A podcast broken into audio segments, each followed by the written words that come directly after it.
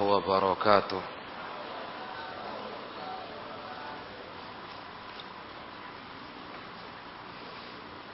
إن الحمد لله نحمده ونستعينه ونستغفره ونعوذ بالله من شرور أنفسنا ومن سيئات أعمالنا من يهده الله فلا مضل له ومن يضلل فلا هادي له أشهد أن لا إله إلا الله وحده لا شريك له وأشهد أن محمدا عبده ورسوله يا أيها الذين آمنوا اتقوا الله حق تقاته ولا تموتن إلا وأنتم مسلمون يا أيها الناس اتقوا ربكم الذي خلقكم من نفس واحده وخلق منها زوجها وبث منهما رجالا كثيرا ونساء. واتقوا الله الذي تساءلون به والأرحام. إن الله كان عليكم رقيبا. يا أيها الذين آمنوا اتقوا الله وقولوا قولا سديدا. يصلح لكم أعمالكم ويغفر لكم ذنوبكم. ومن يطع الله ورسوله فقد فاز فوزا عظيما فإن أصدق الحديث كتاب الله وخير الهدى هدى محمد رسول الله صلى الله عليه وسلم وشر الأمور محدثاتها فإن كل محدثة بدعة وكل بدعة ضلالة wa kulla dhalalatin finnar. Amma ba'd para ikhwah rahimak, rahimakumullah.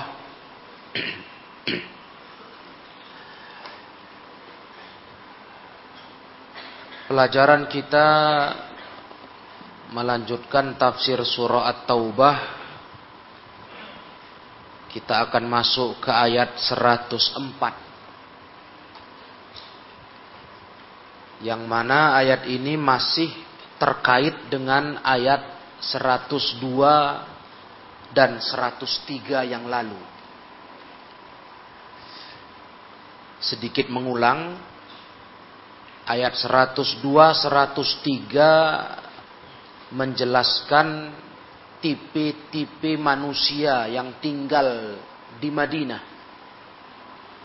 Salah satu tipe mereka orang-orang yang mengaku sadar buat dosa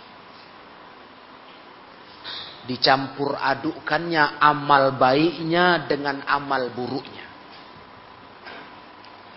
Dan itu rata-rata manusia begitulah kondisinya. Tidak semua baik. Tapi dicampurnya dengan tingkah buruk. Mudah-mudahan Allah beri tobat untuk orang-orang seperti itu. Yang sadar diri buat dosa, mencampur adukkan amalan soleh dengan amalan jelek. Allah beri tobat dalam arti Allah bukakan pintu tobat di hatinya. Keinginan bertobat. Dan Allah terima ketika dia tobat. Itu pelajaran kita ayat 102. Di 103 cerita tentang sodakoh, zakat yang diambil dari hartanya umat Islam. Diambil pemerintah untuk disalurkan kepada mustahiknya. Orang-orang yang berhak mendapat zakat.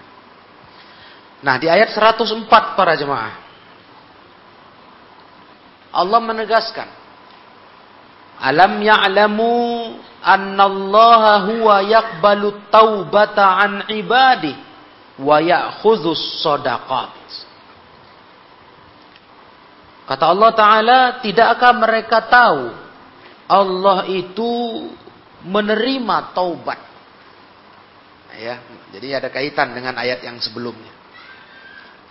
Allah itu menerima taubat. Asalkan kita taubat kepada Allah dari dosa. Dan Allah itu wa ya'khudus sadaqat. Allah itu menerima zakat-zakat hambanya. Ya'khudz di sini mengambil yakni menerima zakat. Itu kewajiban agama. Nah, dan itu tidak merugikan yang punya harta. Zakat itu. Maka bayarlah zakat sesuai dengan ketentuan syariat. Wa annallahu tawwabur rahim. Allah itu adalah zat yang maha penerima taubat dan maha penyayang. Ayat ini seperti ayat 102 mengajak kita bertobat. Kalau kita tahu kita buat dosa, sadar. Itu artinya Allah tabaraka wa taala masih mengkaruniakan kepada kita pengetahuan dan kesadaran. Karena banyak manusia para ikhwah yang jatuh ke dalam perbuatan sayyi'ah, perbuatan jelek, tapi nggak sadar. Nggak sadar dia sudah menyimpang, sudah menyalah dalam agama. Nah, jadi orang yang mudah-mudahan Allah kasih dia pintu tobat, Allah bukakan hatinya. Itu orang-orang yang ngaku buat dosa, sadar. Amal solehnya masih bercampur dengan amal buruk. Nah ini harapan untuk baik masih ada. Nah maka di ayat 104 Allah tegaskan lagi. Tidakkah mereka tahu Allah itu penerima taubat.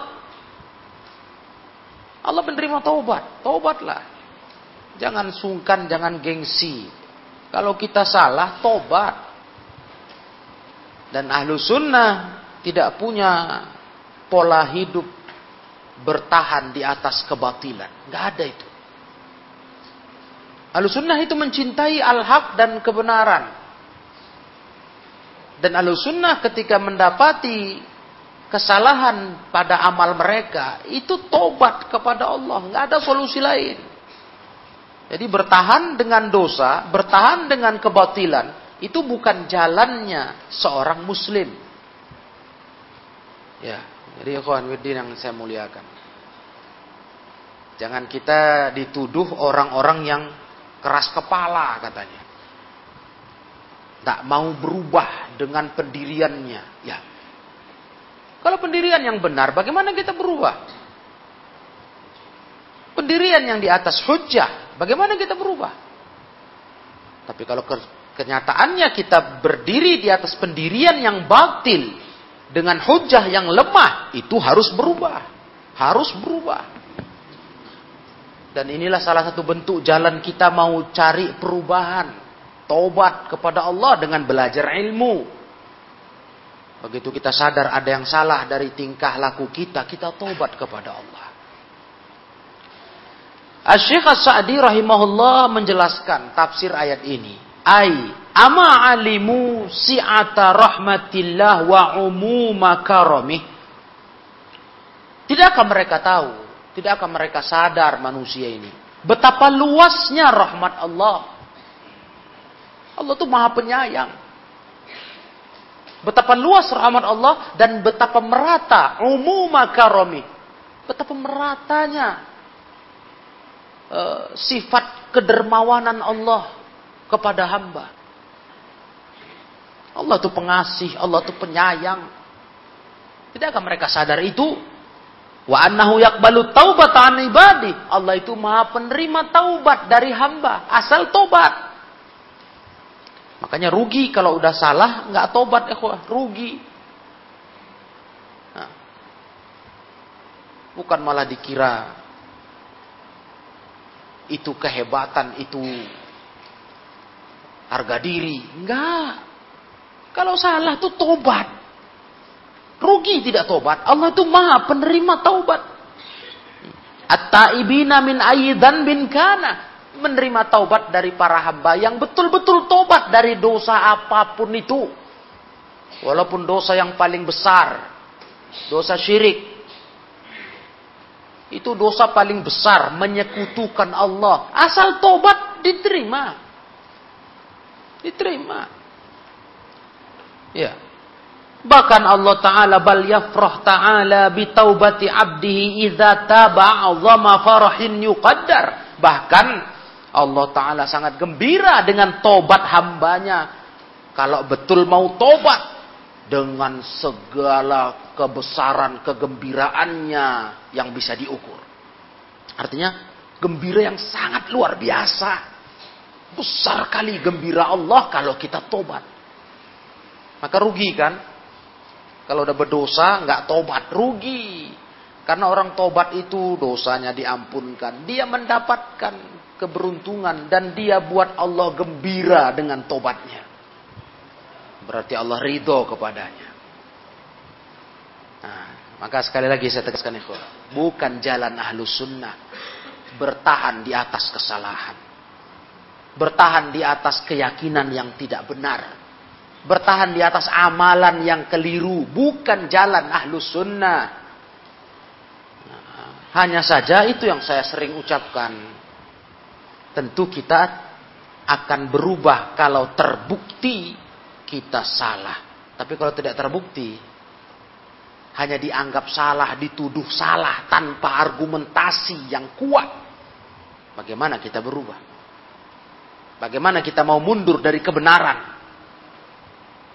Maka saya katakan kepada para ikhwan yang mulia, para ulama salaf adalah orang-orang yang menjunjung tinggi kebenaran di atas mata dan kepalanya kalau datang dari Allah dan Rasulnya.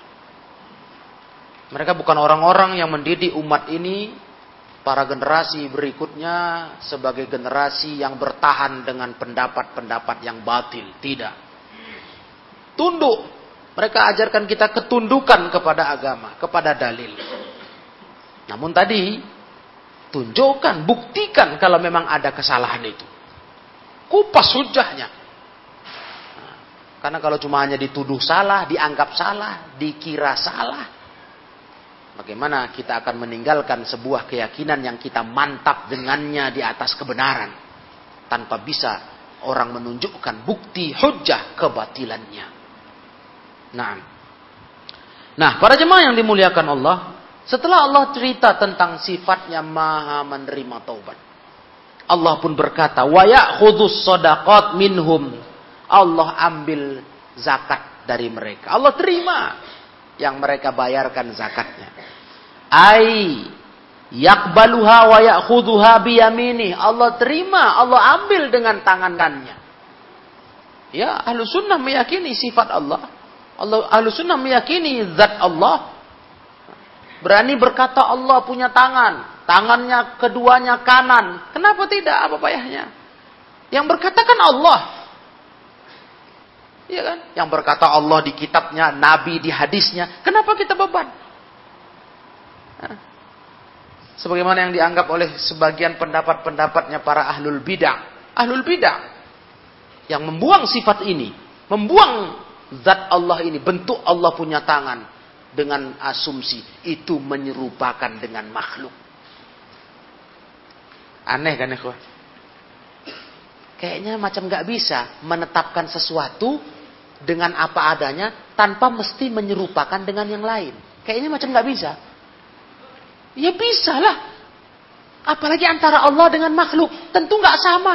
Kan tinggal yakini sifat Allah itu, yakini bentuk Allah itu punya tangan, punya wajah, punya kaki, sesuai dalil-dalil dengan catatan tak serupa makhluk. Bisa nggak? Bisa.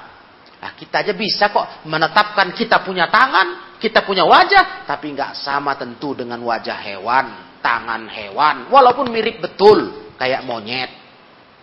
Masa nggak bisa? Terus kita nggak berani bilang punya tangan. Kenapa? Terbayang nanti kayak tangan monyet. Yang betul lah. Bodoh kali saya rasa ya. Tapi begitulah ya, kesesatan yang begini lama udah dipatahkan ulama, dikubur ulama, bangkit lagi era sekarang. Hebat-hebatan. Hmm. Itu yang saya katakan taklim malam Jumat kemarin. Walhal lumrah itu. Kalau ahlu sunnah mengatakan bid'ah, paham seperti itu. Salah. Mereka pun begitu memandang kita. Mereka pun memandang kita yang meyakini Allah punya sifat, punya tangan, punya wajah sesuai ayat-ayat yang ada, itu pun mereka tuding hal bidah ini kalian. Musyabihah, mujassimah. Menyerupakan Allah dengan makhluk. Resmi itu ya kok. Resmi. Salah satu ustadznya yang sudah meninggal kemarin buat lagu tahu tuh. Nah, carilah di YouTube tuh. Itu orang besar. Terkenal di Indonesia. Buat lagu Tauhid Aswaja. Biar antum tahu. Jadi kalau ada orang berpikir, masih berpikir di otak bodohnya itu, beragama ini jangan bilang salah sana, salah. Lah kau ini disalahkan juga. Kau ngomong aja disalahkan juga. Kau yakin aja Allah punya tangan. Tidak kayak tangan kita. Salah. Mujassimah, musyabihah. Kau meyakini Allah di aras saja. Salah. Jangan katakan Allah di aras. Begitulah lirik lagunya. Jangan katakan Allah di aras. Jangan kau katakan Allah di aras. Dan juga jangan dan juga jangan katakan di mana-mana. Jadi di mana? Apa nggak pening? Jadi maunya ya lengkapin lagu itu. Bilang Allah di sini gitu. Kan orang bingung. Jangan katakan Allah di aras, jangan juga bilang di mana-mana. Jadi mana Allah? Ya Allah. Macam mana nggak gila manusia dia dia. Cemana meyakini sesuatu yang nggak ada di mana-mana? Coba ya, Pak. Apa itu namanya? Nah, ada apa ini? Dan ini menjadi sebuah apa ya? Bahasan yang dianggap itulah yang benar, itulah ahlus sunnah wal jamaah. Aduh, di sini dapat kita. Nah, lihat kata Syekh Asadi. Allah Ta'ala menerima sedekah, menerima zakat hamba itu dengan tangan kanannya. Ya betul, ada dalil-dalilnya kita percaya. Tentu enggaklah bayangkannya kayak tangan kanan kita. Itu Allah, itu zat yang maha sempurna. Kita makhluk yang serba kurang. Sederhana saja kalau ahlu sunnah yang sebenarnya. Imani semua sifat Allah dengan catatan tidak sama dengan makhluk mana pun. Selesai. Laisa kamitslihi syai'un. Tak serupa Allah sedikit pun dengan makhluknya.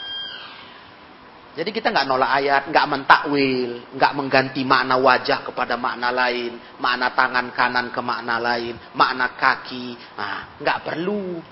Sederhana ahlu imani apa yang datang dalam ayat, Allah yang tahu tentang dirinya, dia berbicara tentang dirinya, kita ikut saja.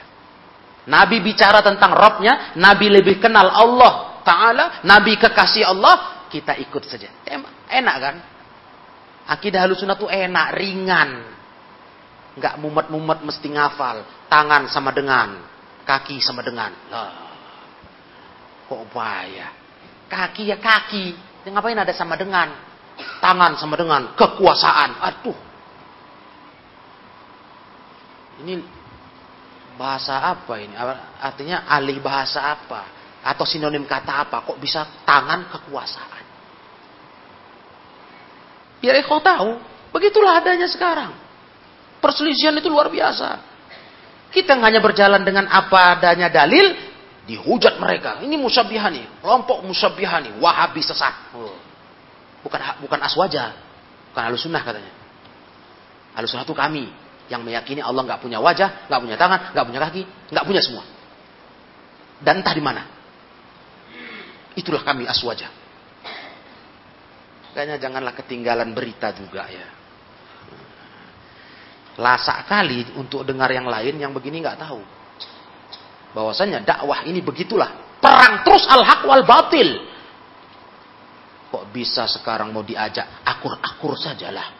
Dari mana rumusannya? Al-haq wal batil nggak akan pernah berhenti. Dari zaman Nabi Adam sampai kiamat nanti. Akan perang terus. Berseberangan terus. Nah, dan di sinilah butuhnya kita mengokohkan manhaj kita di atas sunnah Nabi dan paham salafus salih. Tuh, begitu para ikhwah yang mulia. Fayurabbiha li ahadihim kama yurabbir rajulu fuluwahu. Maka Allah tabaraka wa taala akan menambahkan membuat berkembangnya sodakoh zakat-zakat mereka itu sebagaimana seorang laki-laki dia merawat, membuat uh, mengembangkan, membuat tumbuh sehat anak kudanya. Kayak merawat ternak gitu. Nanti sedekah yang kita berikan, zakat yang kita salurkan berkembang. Pahalanya berkembang. Ya. Luar biasa itu. Wah, sedekah, infak. Jangan remehkan. Zakat, jangan. Itu berkembang Bahkan kata beliau, hatta takunat tamratul wahidatu kal jabalil azim. Sampai-sampai satu tamar saja, satu kurma, tamroh. Itu bisa berkembang jadi kayak gunung yang besar. Ya kan? Sedekah jariah. Mungkin dari sepotong kurma, tamrah wahidah. Tahu-tahu dari kurma ini tumbuh berkembang pahalanya jadi seperti gunung besar. Kenapa tidak? Makanya sedekah, infak, zakat itu nggak merugikan, menguntungkan. Menguntungkan, bukan merugikan orang yang memberikan, menyalurkannya. Menguntungkan dia. Pakai bima huwa aktar wa akbar wa aktar min zalik. Bagaimana lagi kalau kita lihat satu kurma saja bisa menumbuhkan jadi gunung besar, bagaimana kalau lebih besar lagi zakat sedekahnya daripada sepotong kurma? Masya Allah. Yang sepotong kurma bisa jadi gunung besar pahalanya. Bertambah, berlipat, berlipat, berlipat. Bagaimana kalau yang disedekahkannya lebih dari satu kurma? Tentu kadar kelipatannya lebih besar, begitu maksudnya. Lebih besar lah uh, kelipatannya dari zakat, sedekah, infak, lebih besar. Istilah kita kalau seribu perak aja bisa menguntungkan jadi sejuta. Bagaimana kalau sejuta? Nah itulah. Seribu perak saja itu kelipatan pahalanya bisa nanti jadi kayak ber, bersedekah sejuta. Lah bagaimana kalau sejuta? Bagaimana kalau di atasnya lagi? Ya, tentu lebih besar kelipatannya. Pasti Allah Ta'ala akan memberikan itu kepada mereka-mereka yang membayarkan zakat dan sodakohnya. Wa anna Allah wa tawwab ay taubati alal alat taibin. Allah itu maha penerima taubat Tawab itu maknanya banyak menerima taubat atas orang taubat. Allah terima. Asal jujurlah. Taubat yang betul. Faman taba ilaihi taba alaihi. Siapa taubat kepada Allah, Allah beri taubat kepadanya. Allah terima taubatnya. Walau takarrarat minhul maksiyah miroron. Walaupun maksiat berulang-ulang kali terjadi pada orang itu. Ya. Artinya hidup ini begitulah ya Sekali buat maksiat tobat. Besok ada lagi maksiat lain kita buat. Tapi yang penting mau tobat saja. Walaupun berulang-ulang kali banyak dosa-dosa lain kita kerjakan. Yang penting tobat. Allah terima. Tak ada istilahnya. Allah sudah bosan. Nengok ulah kita buat dosa aja terus. Nggak ada itu. Yang penting tobat. Tobat, taubatan nasuha. Taubat yang betul-betul. Nasuha. Yang betul-betul tidak mengulangi dosa itu nasuha. Dan kita sudah pernah belajar orang yang tobatnya jujur di jalan tobat itu dia berikan kebaikan. Cuma dosa itu ditinggalnya, tapi dia merubah gaya hidup dengan yang baik-baik. Itu tanda tobatnya jujur. Ibarat dia nutup lobang. Dulu dia buat dosa, ibarat gali lobang. Sekarang dia tutup dengan kebaikan-kebaikan. Nah, ini orang tanda taubatnya diterima Allah tabaraka wa taala. Wala yamallullah minat taubah. Allah tidak pernah bosan menerima taubat ala ibadi. Nggak ada kata bosan. Ya. Nggak ada kata bosan ya. Walau berulang-ulang hamba ini buat dosa, taubat lagi. Terus Allah terima. Hatta yamallu min bihim yamalluhum wa ya'bau illa nafar wa syurud an an babi wa muwalatahum adu aduwahum aduwahum dan Allah tabaraka wa ta'ala nggak pernah bosan sampai mereka yang bosan. Mereka yang kadang bosan si manusianya. Allahnya nerima nggak pernah bosan. Nah, dan kadang mereka yang enggan, nggak mau tobat. Maunya malah an-nafar, lari, wasyurud, an-babi. Menghindar, pergi dari pintu tobat. Yang, yang banyak malah kitanya mengulah. Si anak manusianya. Allahnya nggak pernah bosan nerima tobat. Kita malah yang ngulah malas tobat, putus asa setelah buat dosa, malah lari meninggalkan pintu tobat. Nah, jadi yang salahnya di kita ini manusianya, ikhwah. Dan malah-malah wa mualatahum berloyalitas dengan musuh-musuhnya, musuh-musuh kita. Aduahum. Artinya kok malah jadi gabung ke grup pendosa, grup manusia-manusia yang meninggalkan agama, Ya, kayak putus asa gitu para jemaah. Nah, itu itu manusianya yang kayak gitu tingkahnya. Kalau Allahnya nggak ada. Allah itu maha penerima tobat. Tobatlah terus. Taubat. Dan sibukkan diri dengan taubat, taubatan nasuha. Hmm. Jangan pernah bertahan dengan dosa yang sama. Betah gitu. Terus merasa ini nggak apa-apa, ini nggak masalah. Nah, ada lagi subhat lain dari syaitan, ini nggak besar. Ya, pernah kita kaji itu. Ya, merasa kecil dosa itu malah menjadikan dia besar. Karena la rota ma'al istimror. Nggak ada istilah dosa kecil kalau terus-terusan dibuat. Ya jadi besar lah, numpuk dah. Memang kecil awalnya, tapi kalau ditumpuk lagi, ditumpuk lagi, jadi besar. Kita sering ditipu syaitan begitu. Ala ini kan nggak besar, nggak fatal. Nah, ada lagi yang lebih lebih ekstrem lagi, kan nggak syirik. Sampai kayak gitunya betul lah. Nafsuan nafsu kali sama dosa. Sampai membela diri kan nggak syirik. Iya, zina nggak syirik, zina lah kau bilang. Judi nggak syirik, judilah kau. Mabuk pun nggak syirik. Kok kayak gitu ngomongnya para Kan nggak syirik. La ilaha illallah. Dapat parah ini. Ini orang yang nggak mau tobat. Dan dia rugi. Karena dengan berdosa kepada Allah, Allah nggak rugi, tapi dia yang rugi. Dia zolimi dirinya, Ah, dia merugikan diri sendiri. Allah nggak rugi. Hilang kita dari jalan agama Allah. Lenyap kita, mundur. Nggak rugi Allah. Kita yang rugi para ikhwah. Karena kita yang butuh agama ini. Nah. Ar-Rahim Allah itu maha penyayang. Alladzi wasi'at rahmatuhu kulla syai' Rahmat Allah luasnya mencakup segala sesuatu. Allah maha pengasih. Allah maha penyayang. Itu keyakinan umat Islam tentang Rabbnya. Wa katabaha lilladzina yattaqun dan Allah tetapkan rahmatnya itu untuk orang bertakwa. Nah, jadi kita punya keyakinan Allah itu maha pengasih, maha penyayang. Iya. Tapi bukan untuk semua orang. Untuk orang-orang yang bertakwa. alladzina yattaqun wa yu'tuna zakah wa yu'minuna bi ayati wa yattabi'una rusulah. Itu untuk orang bertakwa rasa sayang Allah. Rahim. Allah Maha Penyayang itu untuk orang bertakwa yang bayar zakat, yang beriman kepada ayat-ayat Allah dan ikut selalu kepada sunnah Rasulnya Muhammad Sallallahu Alaihi.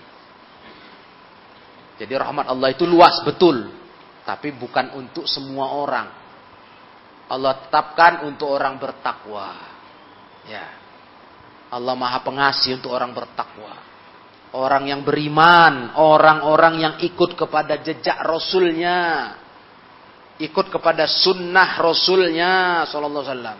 Begitu kata Syekh As-Sa'di menafsirkan kalimat rahim.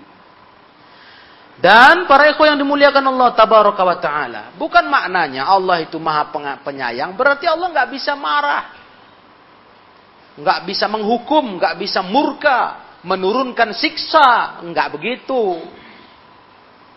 Tapi Allah tabaraka wa taala juga punya sifat memberikan siksanya, menurunkan azabnya kepada yang berhak menerimanya.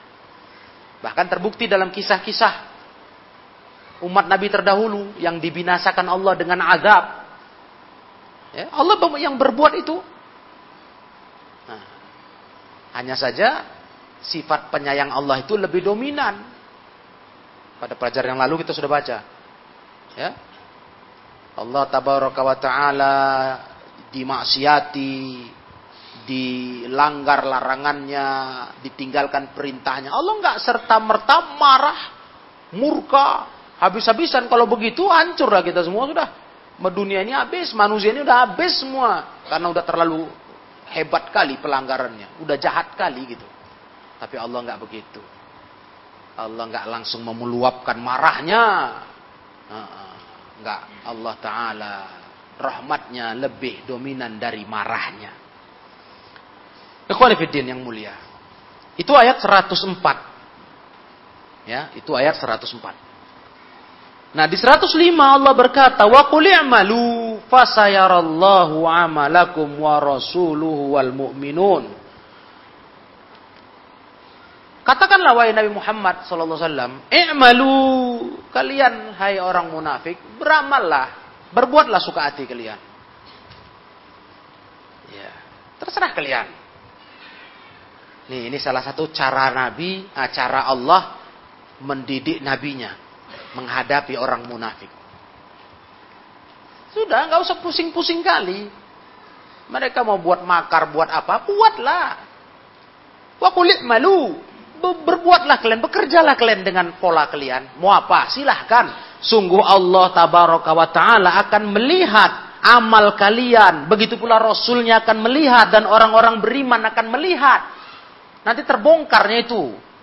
Makar kalian itu hai munafikun. Nah kalian buat suka hati kalian. Memang begitulah ya, ngadapi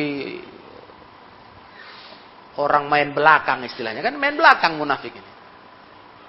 Nah, main belakang, bisi-bisi di belakang, buat makar ke Nabi. Ya, kalau ini kali mau dipikirkan, mereka gimana ya? Mereka buat apa ya? Mereka ngomong apa? Ya pening kepala. Hah. Hidup zaman sekarang kan begitu kan? Kita pikirkan kali orang punya rencana apa tentang kita, ngomongin apa, Hah? nuduh apa lagi tentang kita. Pening. Bagaimana mereka punya rencana terselubung ah, tentang dakwah kita? Pening itu kalau dipikir. Karena memang sesuatu yang tak nampak mata. Nah, jadi nggak usah distreskan diri. Rasul pun dididik Allah begitu. Malah Rasul disuruh Allah berkata, wa malu. Katakan hai Nabi Muhammad, berbuatlah kalian. Suka hati kalian. Buat apa saja niscaya Allah tabaraka wa taala akan melihat amal-amal kalian nanti. Begitu pula orang rasul dan orang-orang beriman. Nah, sudah serahkan saja sama Allah. Nah, yang penting urus diri urus ibadah kita agar banyak bekal tabungan menuju mati. Gitu aja hidupnya nggak sepikir kali kusip-kusip orang banyak komentar orang, penilaian orang, mau orang apa, nggak usah begitu. Rasulullah di, diajarkan Allah begini, ngadapin munafikun. Nah, dan diingatkan mereka wasaturaduna dan kalian akan dikembalikan ila alimil ghaibi wasyahadati fayunabbiukum bima kuntum ta'malun. Tapi ingat, bolehlah kalian di dunia buat suka hati kalian. Hai munafikun, Hei orang yang punya makar terhadap Islam, yang punya makar terhadap dakwah sunnah, buatlah suka hati kalian. Mau rencana apa, buat saja. Tapi ingat kalian akan kembali kepada alimil ghaibi syahadah, kepada zat yang maha mengetahui yang gaib dan yang nyata, kepada Allah. Ingat, kita semua, kalian, kami, kita semua mati dan pulang ke Allah. Dan di sana nanti ingat fayunabbiukum bima kuntum ta'malun. Nanti Allah baru bongkar, Allah beritahukan apa dulu yang kalian kerjakan waktu di dunia. Ada hari kebangkitan, hari pertanggungjawaban. Sadar kalian wahai para munafikun, kan gitu. Orang yang punya makar ke Islam, ke dakwah.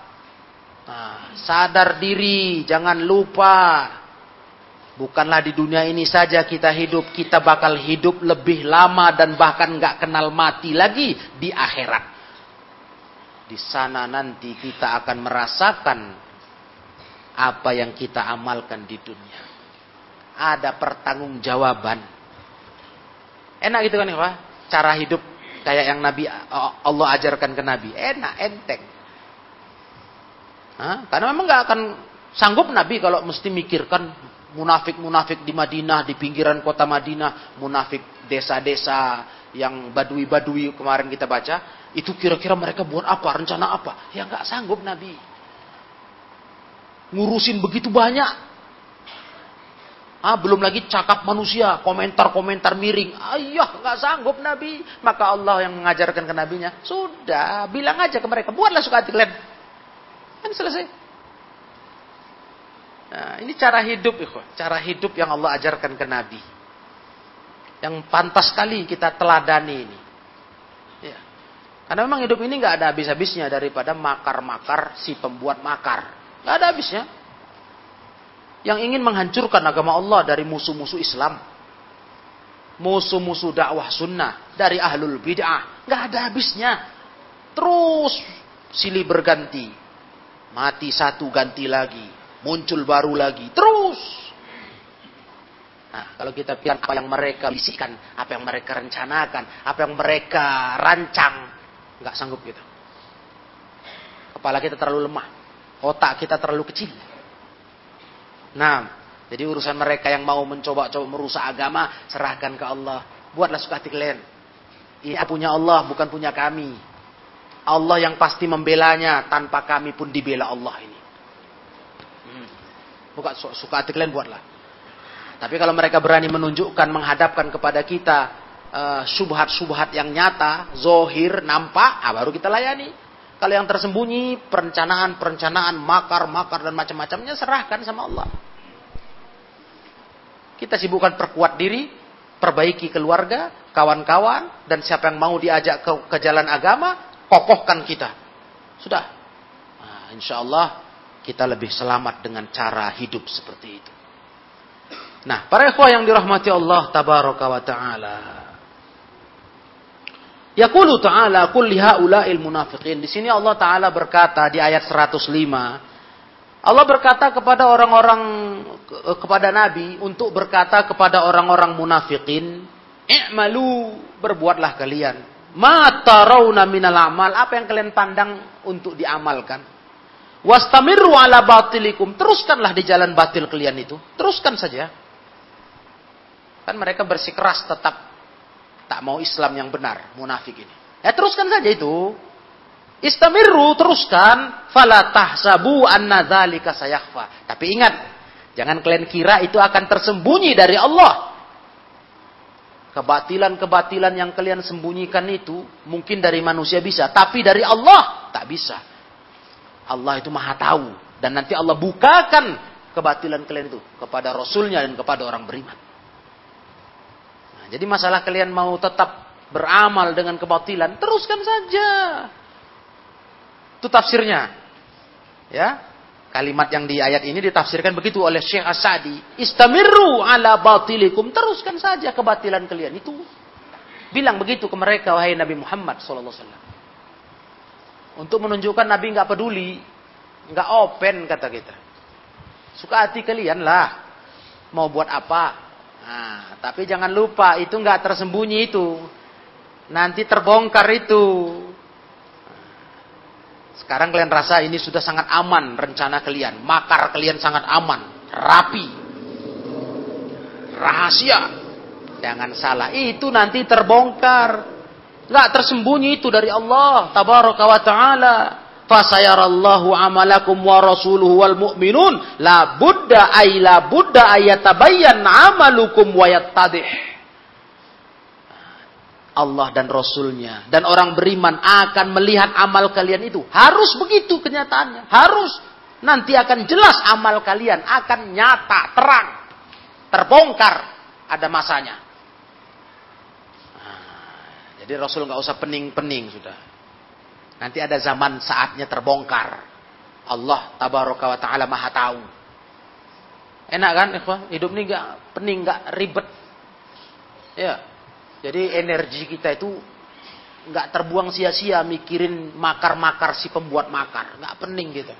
Mikirin rencana busuk yang ingin merusak Islam, merusak dakwah, nggak pening kita.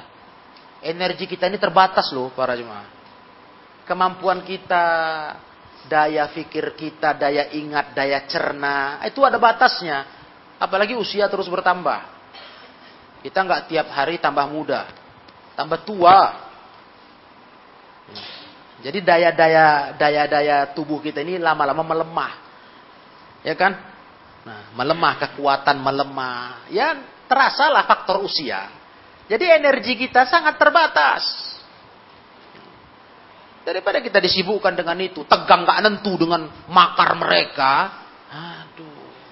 Baguslah kita sibuk mikir amal kita ibadah kepada Allah. Bekal mati, tabungan mati. Loh, jadi nggak peduli kita. Mereka leluasa buat rencana jahat ke Islam. Peduli, cuman peduli kita seperti ini. Ngadapin yang tersembunyi itu serahkan sama Allah. Karena kalau kita mau menghadapi langsung ngurusi, bagaimana caranya tersembunyi? Jadi mau kita bentuk pula tim mata-mata. Tim jasus. Nah, untuk memata-matai mereka buat gerakan apa. Kan tidak perlu begitu.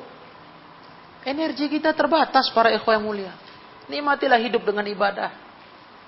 Ya, santai saja. Perkara orang yang tidak suka, perkara orang yang ingin menghancurkan, memang begitulah sunnah para nabi.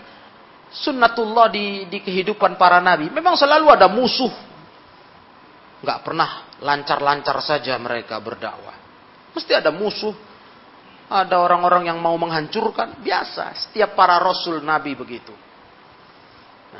Jadi kita jelas pola hidup kita sibuk dengan mengurus amal kita, memperbaiki hidup kita lebih bertakwa kepada Allah. Ya. Nah, kemudian wasaturadduna ila alimil ghaibi wasyahadah fayunabbiukum bima kuntum ta'malun. Dan akan kalian dikembalikan kepada zat yang maha tahu perkara gaib dan perkara nyata akan dikabarkan kepada kalian apa yang dulu kalian amalkan. Nanti Allah bongkar itu min khairin wa syarrin. Yang baik, yang buruk di akhirat, di padang mahsyar itu dibongkar semua. Nggak ada tersembunyi sedikit pun. Walau kana walau kana walaupun sebesar biji dzarrah. Fama ya'mal mithqala dzarratin khairan yarah. Iya kan? Kalau baik dia akan tengok. Walaupun sebesar dzarrah. Dan kalau buruk syarrayarah, dia akan lihat juga. Nah, ada hari itu. Jadi kalian hai orang munafik, waktu zaman Nabi kan mereka munafik. Nah, buat aja.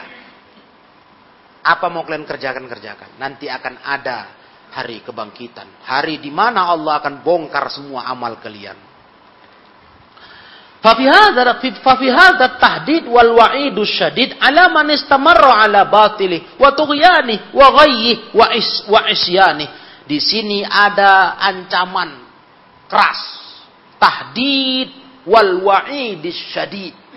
Ada ancaman keras. Tahdid, wa'id. Ancaman juga itu. Yang sangat keras kepada orang yang terus-menerus masih berlanjut di atas kebatilannya, penyimpangannya, kesesatannya, dan kemaksiatannya. Orang yang masih terus saja dengan dosa, ayat ini ancaman untuknya. Ancamannya bagaimana? Ingat ada hari kebangkitan. Jangan dikira itu dosa, itu penyimpangan, itu pelanggaran gratis ada bayarannya itu di akhirat. Ini ayat ancaman untuk orang yang nggak mau tobat juga dari dosa. Masih juga buat kemunafikan, buat maksiat kepada Allah, menyimpang, sesat. Eh, wahai manusia, ya manusia, wahai hamba Allah, ingat ada hari kebangkitan. Ada hari perhitungan, yaumul hisab. Hari perhitungan. Jangan lupa. Jadi berbuat di hidup ini, pikir-pikirlah, takar-takar. Nah, jangan apa suka buat, nggak begitu. Apa aku mau buat, nggak bisa. Dipikir, baik enggak? Kalau baik teruskan. Oh jahat, salah, hentikan. Ada hari kebangkitan. Ini ancamannya. Ada hari Allah di sana memberitakan semua amal kita dibongkar. Ayo mikir. Kalau kebaikan yang kita buat teruskan. Nah, jaga terus itu. Jangan mundur. Kalau keburukan dosa, berhentilah, tobat. Sebelum menyesal nantinya. Ya, Masya Allah faedah tafsir ini ya. Nah, kita dapati cara tafsir yang, cara fikir yang seperti ini dari Syekh As-Sa'di rahimahullahu ta'ala. Wayahtamil annal makna, ada juga kemungkinan kedua tafsirnya dari ayat ini, maknanya begini. Annakum mahma alimtum amiltum min khairin aw syarrin fa innallaha muttali'un alaikum. Wa sayattali'u rasulahu wa ibadahul mu'minin ala amalikum walau kanat batinah. Ini tafsir kedua. Mungkin jadi begini makna ayat tadi. Kalian apa pun yang kalian amalkan, Apakah itu yang baik maupun yang buruk, Allah akan melihatnya. Allah akan tahu itu. Nah, jadi fokusnya bukan cerita di alam akhiratnya. yang ada hari kebangkitannya. Tapi di dunia ini Allah tahu itu. Dan Allah akan memberitahukan kepada Rasulnya hamba-hamba yang beriman atas amal-amal kalian itu walaupun amal itu batinah, tersembunyi. Artinya fokusnya di dunia ini, ayat ini. Ancamannya di dunia. Artinya kalian mau buat kayak mana pun makar tersembunyi, nanti kebongkar juga itu. Tahu Allah, tahu Nabi dan orang beriman. Sedangkan tafsir pertama tadi fokusnya kepada apa? Ingat hari kebangkitan. Di sana akan dibongkar Allah tingkah kalian hai orang munafik. Ada mungkin dua versi tafsir di sini kata Syekh Asadi. Dua-duanya benar. Di dunia pun para ikhwah. Yang pasti Allah Allah tahu makar apa pun dibuat hamba. Ya, bisik-bisik serapat apa pun, serahasia apa pun Allah tahu. Karena kalau kita bisik-bisik ikhwah di surah Al-Mujadilah bertiga kita Allah yang keempat. Begitulah ceritanya. Artinya Allah tahu. Ibaratnya kalau orang tiga, Allah yang keempat. Bagaimana mau sembunyi? Nah. Berlima kita, Allah yang keenam. Nah. Jadi ya, apa mau disembunyikan? Apa mau dibuat rancangan-rancangan makar? Semua Allah tahu. Dan yang lebih lagi ngerinya. Allah bongkar itu. Allah beritahu ke Rasulnya. Allah beritahu ke orang beriman. Jadi makarnya terbongkar. Nah.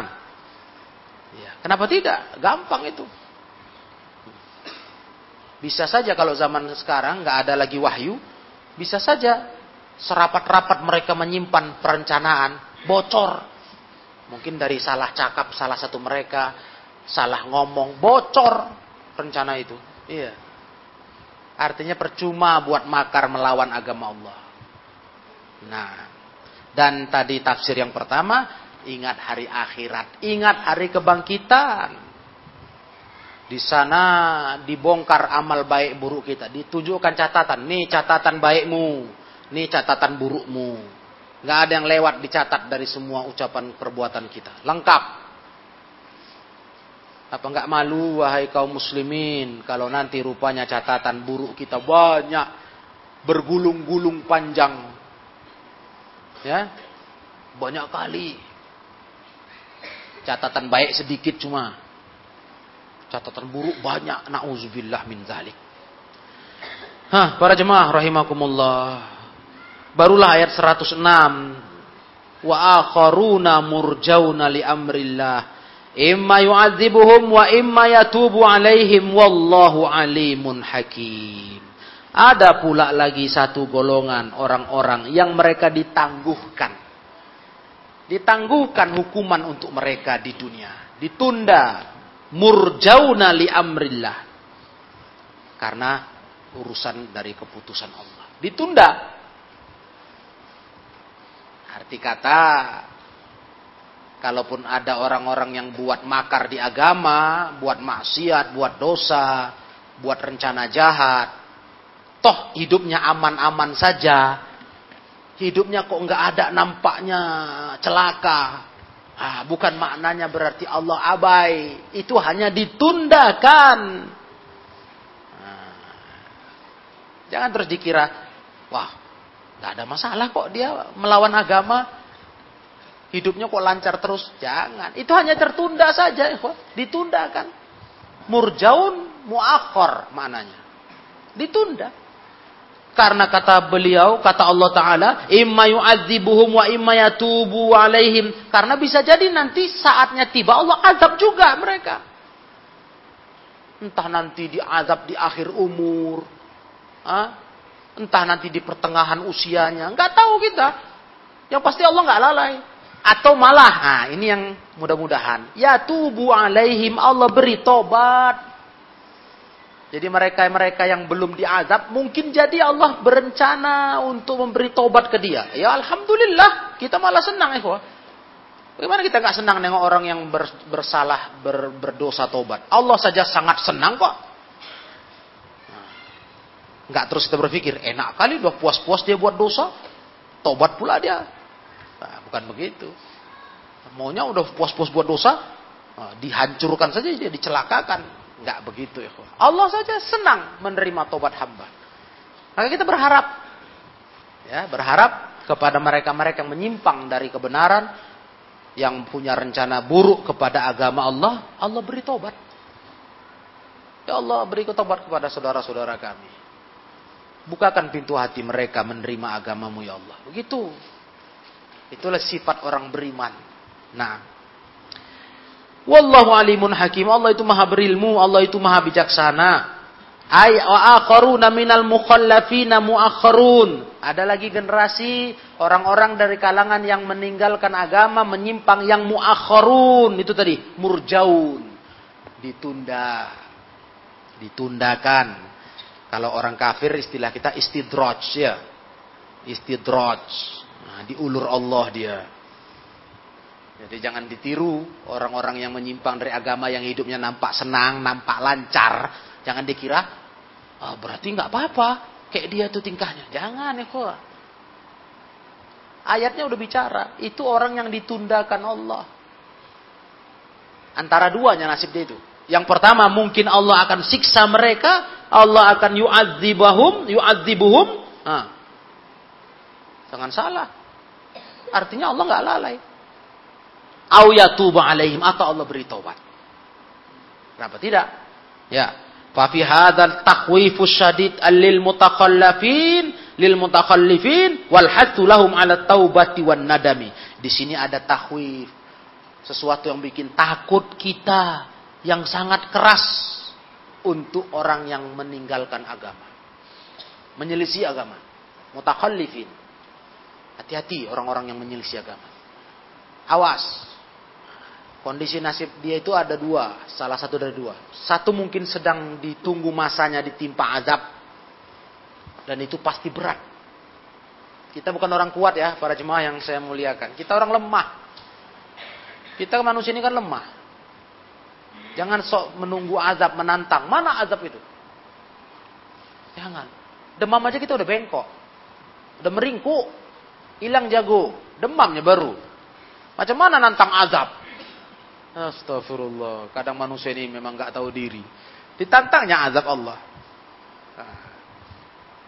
Naik panas badan aja udah tumbang dia. Hilang jagonya. Nah, udah merengek sama bini. Merengek minta dilayani anak. Baru demam. Kok bisa nantang azab? Nauzubillah manusia ini. Nah, jadi jangan salah. Kalau kita di jalan dosa kok hidup kayak lancar saja, awas. Jangan terus-terusan, tobat cepat. Karena memang ada kemungkinan belum Allah hadap dia karena Allah mau ngasih dia jalan tobat. Ya, cuma jangan kita terus berpikir aku nanti akan dikasih jalan tobat, nanti-nantilah. Nah, enggak begitu. Itu umur kita bahaya, kita nggak tahu kapan habisnya. Tahu-tahu memang kita nggak dibukakan pintu tobat oleh Allah sampai habis habis umur. Dan kita akan jadi orang yang paling merugi. Nauzubillah. Nah, maka dianjurkan sangat untuk orang yang menyimpang dari agama, cepat taubat, menyesal. Sesali diri, tobat, minta ampun sama Allah. Allah akan terima tobatnya. Wallahu alimun bi ahwalil ibadi wa niyatihim. Allah itu maha berilmu tentang kondisi hamba dan niat mereka. Allah tahu isi hati kita. Hakimun Allah maha bijaksana ya daul asya mawadi'ha. Allah letakkan segala sesuatu di tempatnya. Wa yunzilaha wa yunziluha manazilaha. Allah dudukkan di, di posisinya. Fa inik tadot hikmatuhu ayyaghfira lahum wa yatuba alaihim ghafara lahum wa taba alaihim. Kalau Allah dalam hikmah kandungan hikmahnya memang Allah ampunkan mereka, Allah beri tobat, Allah akan ampunkan dan Allah akan beri tobat. Kalau memang itu hikmahnya. Allah Maha tahu yang pantas untuk hamba mana. Dikasih tobat, mungkin saja. Kenapa tidak? Orang paling bejat, paling jahat tobat. Kenapa tidak? Allah yang berhak memutuskan itu. Allah yang maha tahu hikmahnya. Kenapa tidak? Nah, atau para ikhwan yang mulia, wa in iktadad hikmatuhu ayyukhzilahum wa la yuwaffiquhum wa la litaubah fa'ala dzalik. Atau malah yang kedua, Allah tabaraka wa taala dalam kandungan hikmahnya Allah hinakan mereka, Allah enggak bimbing mereka untuk tobat. Nauzubillah. Pasti Allah lakukan itu. Kenapa tidak? Ada orang yang enggak dibimbing Allah untuk tobat sampai akhir hayatnya. Nah. Ya memang pasti itu ada hikmah. Nggak ada yang sia-sia. Contoh nyata, paman Nabi tercinta Abu Talib. Abu Talib. Bukan tanggung-tanggung yang mengajaknya kepada Islam. Langsung Nabi di sebelahnya. Mengajak dia mengucapkan syahadat. La ilaha illallah. Kalimatun uhajulaka biha indallah. Satu potong kata ini aja wahai paman. Nanti ku bela kau di sisi Allah kalau kau ucapkan itu. Tak mau. Kurang apa lagi yang ngajak Nabi. Karena Allah nggak bimbing dia untuk dapat hidayah. Nggak Allah bukakan pintu hatinya. Yahdi man yasha wa yudhillu man yasha. Akhirnya Abu Talib mati di atas kekafirannya. Walaupun jasa-jasanya kepada Islam, kepada Nabi dipandang, ya, dianggap, dinilai. Nah, dan balasan jasa-jasa itu adalah apa? Nabi diberi hak oleh Allah membela Abu Talib untuk tinggal di neraka yang paling atas. Dahdah minan nar. Dahdah yang paling atas. Karena neraka bertingkat-tingkat. Yang paling dasar itu jahanam. Yang paling dahsyat siksanya yang paling dalam lubangnya. Yang kita sudah pernah dengar hadis, ada suara mendentum keras ketika Nabi duduk-duduk dengan sahabat. Nabi tanya, tahu kalian suara apa itu?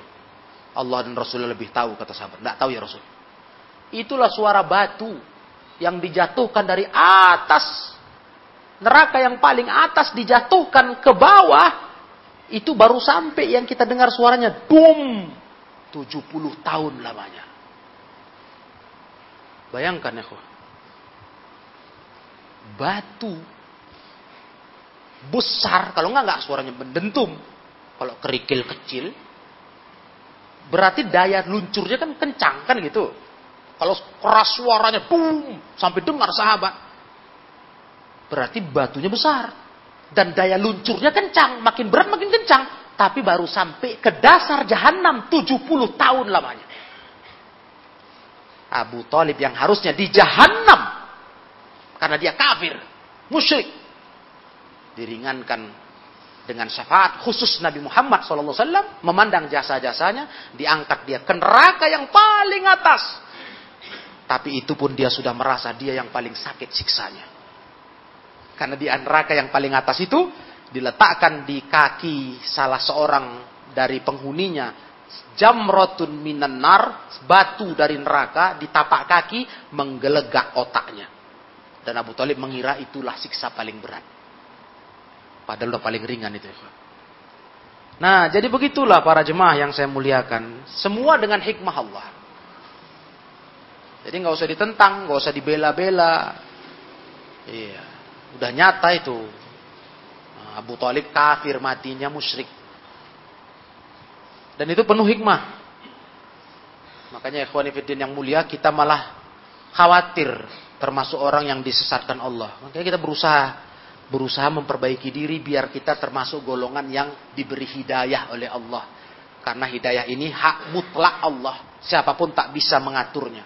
Hak mutlak Allah ke siapa yang mau dia beri hidayahnya. Jadi kita harus betul-betul lah berusaha menjemput hidayah itu. Kita berharap kita yang termasuk diberi Allah hidayah. Mudah-mudahan ikhwah dengan usaha kita, upaya kita, kita akan merasakan hidayah dari Allah Subhanahu wa taala. Demikian para jemaah kaum muslimin rahimakumullah. E, pelajaran kita untuk malam hari ini alhamdulillah kita bisa tambah tiga ayat ya. Ayat 104, 105 dan 106. Nah, ya, sudah selesailah rangkaian daripada ayat-ayat ini yang terkait dengan orang-orang yang tinggal di Madinah yang di sisi Rasulullah sallallahu wasallam dengan beragam macam tipi mereka. Ya. Ini bentuk gambaran masyarakat dan itu terus berulang. Memang di komunitas masyarakat ini ya beda-beda lah. Enggak sama warna. Macam-macam tipenya. Nah, ini salah satu panduan hidup menghadapi manusia. Nah, wallahu alam bissawab. Wa akhiru da'wana anil hamdulillahi rabbil alamin.